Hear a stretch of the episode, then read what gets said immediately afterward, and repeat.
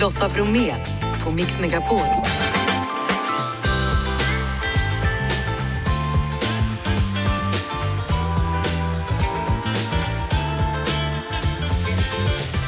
Hallå där och varmt välkommen in till oss. Starten på en ny vecka och i dagens måndagsmix förutom en massa bra musik, Kalle Moreus. Nu turnerar han igen och vem är egentligen hans nya kärlek?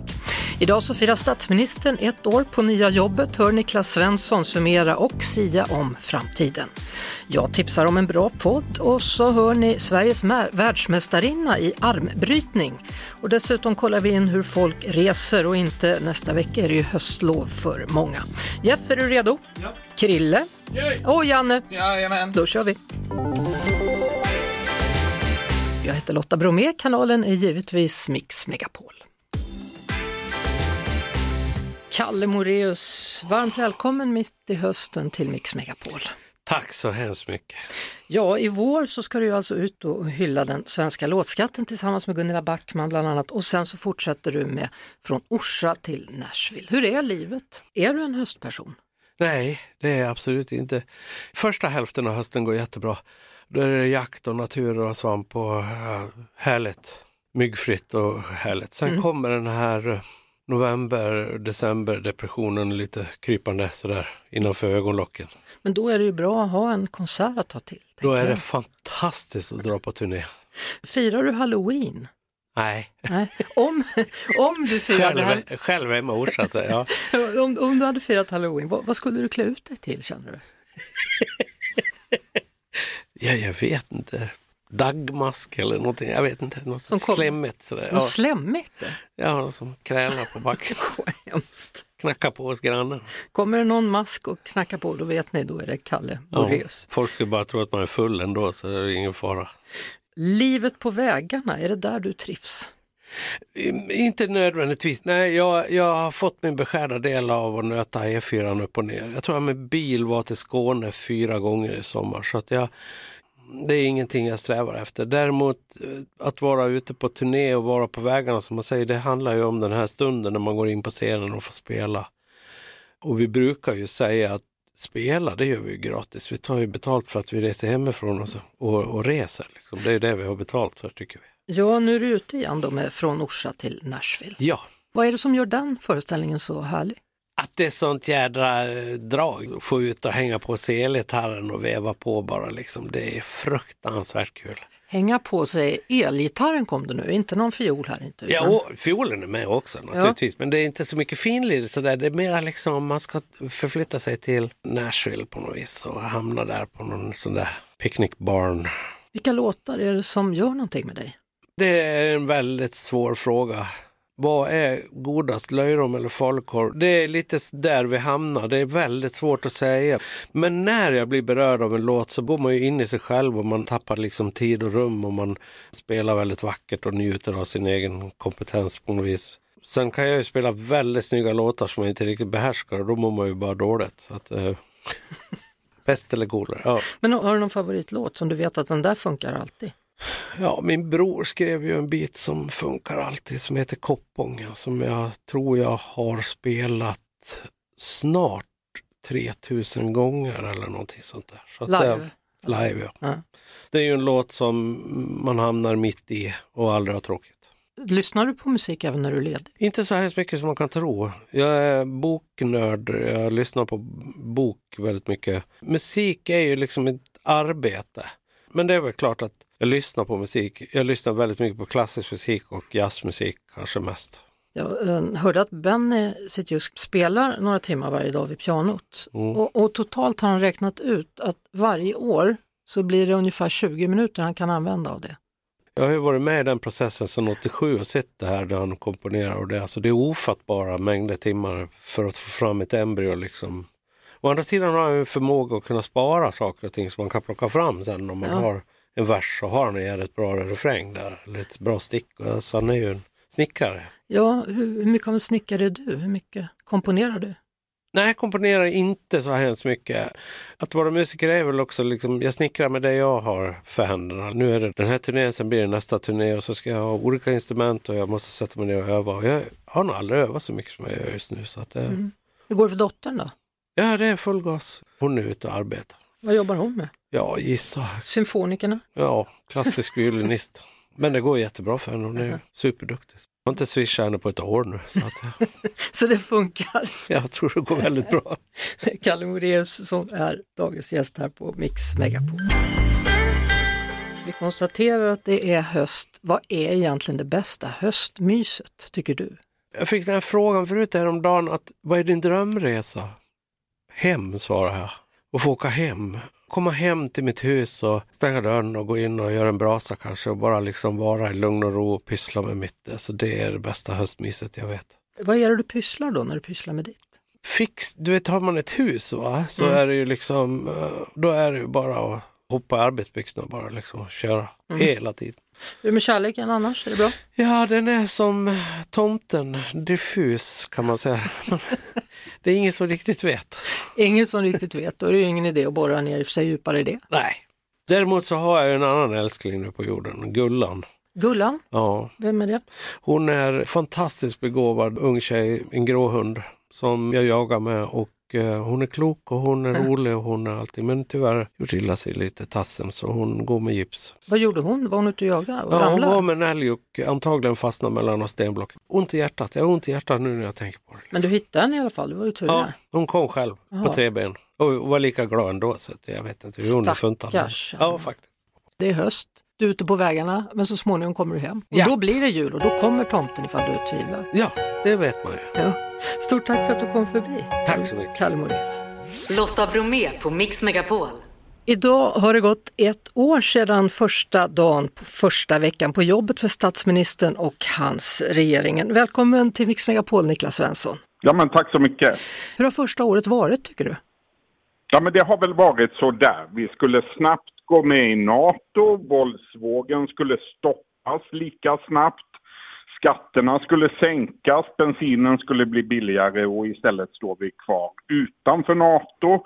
Oskyldiga dödas i skjutningar och explosioner och höga räntor har gjort oss alla fattigare. Så man får väl säga att det, det har gått så där för Kristersson. Och idag då så skriver till exempel i Expressen Jonas Gardell och han menar att Åkesson dominerar, han har tystat Kristersson. Mm, och jag skulle säga att Jonas Gardell åtminstone delvis har rätt. Det är alldeles uppenbart att Kristersson mycket hellre kritiserar Magdalena Andersson och Socialdemokraterna än Sverigedemokraterna och deras företrädare. Men Samtidigt ska man ju då konstatera att Ulf Kristersson är bakbunden av Tidöavtalet. Jag har det framför mig här och där står det samarbetspartierna bidrar till ett gott samarbetsklimat genom att uppträda med värdighet och tala respektfullt om varandras centrala företrädare.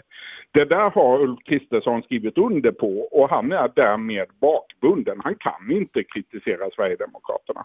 Men Sverigedemokraterna verkar kunna kritisera honom.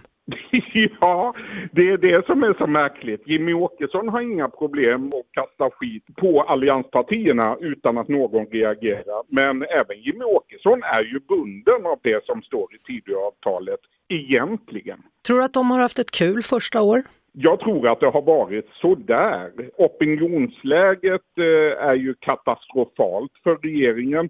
Två av partierna, Liberalerna och Kristdemokraterna, ligger en bra bit under 4 spärren. Socialdemokraterna är idag dubbelt så stora som Moderaterna och Sverigedemokraterna är näst största parti. Så jag gissar att Ulf Kristersson tycker att det har varit tuffare än vad han hade väntat sig. Ja, han får tydligen också en del intern kritik. Ja, han får det och det är inte så konstigt. Det ser vi också i andra partier. Så fort eh, opinionsläget ser illa ut så riktas det mot partiledningen med all rätt. Och jag tror att den pressen kommer att öka på Ulf Kristersson om han inte lyckas ta Sverige in i NATO, om man inte lyckas få stopp på skjutningar och explosioner och hejda den här våldsvågen. Och på något sätt ge känslan till väljarna av att de får det lite bättre. Under det här året som gått har känslan varit den motsatta. Så vad behöver regeringen göra nu efter ett år? Ja, man behöver göra en massa saker och problemet för Ulf Kristersson och de andra ministrarna är ju att mycket av detta inte ligger i deras händer. De får hålla tummarna och hoppas på att eh, Erdogan och Orban i Turkiet och Ungern kommer att släppa in Sverige i NATO så snabbt som möjligt. De får hoppas på att eh, gängen som ligger bakom skjutningarna och explosionerna snart lägger ner vapnen. Och sen så eh, får de hoppas på att räntorna går ner och att inflationsläget blir bättre i Sverige. De kan inte göra så väldigt mycket mer. Tack så mycket Niklas Svensson, Expressen. Podplay. Nu i höst så firar True Crime-podden Mord mot mord fem år. Karin Londré och Anna Sandell, det är ni som är programledare och varje vecka så pratar ni om era bästa och värsta fascination, mord och andra hemskheter. Välkomna hit! Tack, Tack snälla! Alltså var kommer den här fascinationen från? I båda våra fall så har det börjat väldigt tidigt, alltså som barn att upptäcka att världen är typ obehaglig och, och det är ju någon slags ångesthantering kan vi vara ärliga med. Ja. Verkligen. Det här är ju då en genre som verkligen är i tiden. Intresset true crime är ju hur stort som helst. Alltså har ni också märkt ökat intresse under era år med podden? I och med ett ökat intresse så blir det också mer mainstream då. I början så var det ju som att man nästan att man skämdes för att man var en galning som pratade om true crime varje vecka. Liksom. Men nu är det mer någonting som många är intresserade av helt enkelt. Ja, publiken är tydligen till 90% kvinnor då som försöker förstå och hantera ondska. Kvinnor är den gruppen som jag tror ofta blir väldigt utmålad på ett speciellt sätt i eh, brottssammanhang, vilket gör att man då som liten eller liksom vilken ålder man nu än är i inser att man är, rädd för det. Precis, så blir det som att man liksom hanterar den rädslan genom att försöka förstå Precis. vad som liksom ligger bakom på något bakvänt sätt. Och de här resterande 10 procenten, vilka är det? Det är medsläpade pojkvänner. Exakt. För att fira då era fem år med podden Mord mot mord så åker ni ut på en höstturné med poddmickar och rödvin. Ja, ja kul. Det ska bli Exakt. underbart. Och som vanligt då så tar ni upp gripande mordfall, livsöden och ett och annat mustigt mysterium. Alltså kan ni ge något exempel på vad ni kommer prata om? Vi kommer ju att köra lokala fall i alla städer. Det blir ju spännande. Vi vill inte spoila för mycket men det kommer vara en turné med twists and turns. Vi har försökt hitta spännande fall som är liksom ja, lite speciella. Turnén då har premiär i Norrköping den 27 oktober, sen avslutas den i Göteborg den 15 december. Och varje onsdag så släpper ni ett nytt avsnitt då på Podplay. Vad kommer nu på onsdag? Jag kommer berätta om de två brottslingar som eh, var de sista som avrättades offentligt i Sverige. Och jag kommer berätta om det fallet som eh, var det första som eh, transkriberades och dokumenterades i amerikansk domstol. Stort tack för att ni berättade om denna utmärkta podd. Då. Mord mot mord, Karin Londré och Anna Sandell. Och lycka till på turnén så småningom. Tack, tack så jättemycket. Du lyssnar på Lotta Bromé på Mix Megapol. Var ni med oss i förra timmen då vet ni att Kalle Moreus var gäst och han är på turné just nu men längtar faktiskt någon annanstans. Och få åka hem, komma hem till mitt hus och stänga dörren och gå in och göra en brasa kanske och bara liksom vara i lugn och ro och pyssla med mitt. Alltså det är det bästa höstmyset jag vet. Vad är det du pysslar då när du pysslar med ditt? Fix, du vet har man ett hus va, så mm. är det ju liksom, eh, då är det ju bara att hoppa i arbetsbyxorna och bara liksom köra. Lotta Bromé och den perfekta mixen på Mix Megapol. Victoria Alveland från Trollhättan är nyligen hemkommen från Malaysia där hon blev världens bästa armbryterska. Välkommen till Mix Megapol Victoria! Tack så hemskt mycket! Och stort grattis! Alltså, du tog ju ditt första VM-guld för 20 år sedan. Är det samma känsla den här gången? Ja, det är det, fast den är lite mer speciellt. Jag trodde du att du hade förlorat styrkan? Ja, jag hade inte samma eh, förhoppningar på mig själv eh, denna gången. Du tog ju alltså två medaljer ska vi säga, det var ett silver med högerhanden och ett guld med vänsterhanden. Vilken är den rätta handen? Det är nog vänsterarmen faktiskt, fast jag är högerhand. Men... N när, när förstod du att armbrytning var din grej? 22 år sedan började jag. 2001 var det en killkompis till mig som sa att eh, jag tycker du ska komma och prova armbrytning. Och jag fastnade direkt. Det är en ödmjuk sport. Du behöver inte se ut eller vara på ett visst sätt. Alla kan bryta arm. Om man då förlorade med högen, är det rimligt att kräva en revansch när man förlorar då? Eller hur, hur, hur ska man tänka? Jag pratar för oss amatörer nu som kanske råkar ut för någon styrkemätning genom armbrytningar. Ja, jag vill alltid ha en, en rematch. Så, försökte du få det nu då när du tog silver med högerhanden eller? Ja, det var det jag försökte med i, i finalen där. Jag behövde vinna två gånger för att ta guldet, men det gick inte. Vad tänker du nu då? Satsar du på ännu fler guld framöver eller har du någon annan tävling på gång? Ja, jag vill köra, köra på ett tag till här och prova lyckan nästa år också. Än en gång stort grattis Victoria Alveland till guldet. Tack så hemskt mycket. Och tack. till silvret. Ja, tack så hemskt mycket. Tack, tack. Hej då! Lotta, Krille, Janne och Jeanette säger tack och hej för idag. Ray Mattsson tar över så småningom här på Mix Megapol. Jeff Neumann heter vår producent och imorgon är det Bo Kaspers Orkester som gästar oss. Ett poddtips från Podplay. I fallen jag aldrig glömmer djupdyker Hasse Aro i arbetet bakom några av Sveriges mest uppseendeväckande brottsutredningar. Går vi in med hemlig telefonavlyssning och, och då upplever vi att vi får en total förändring av hans beteende. Vad är det som händer nu? Vem är det som läcker?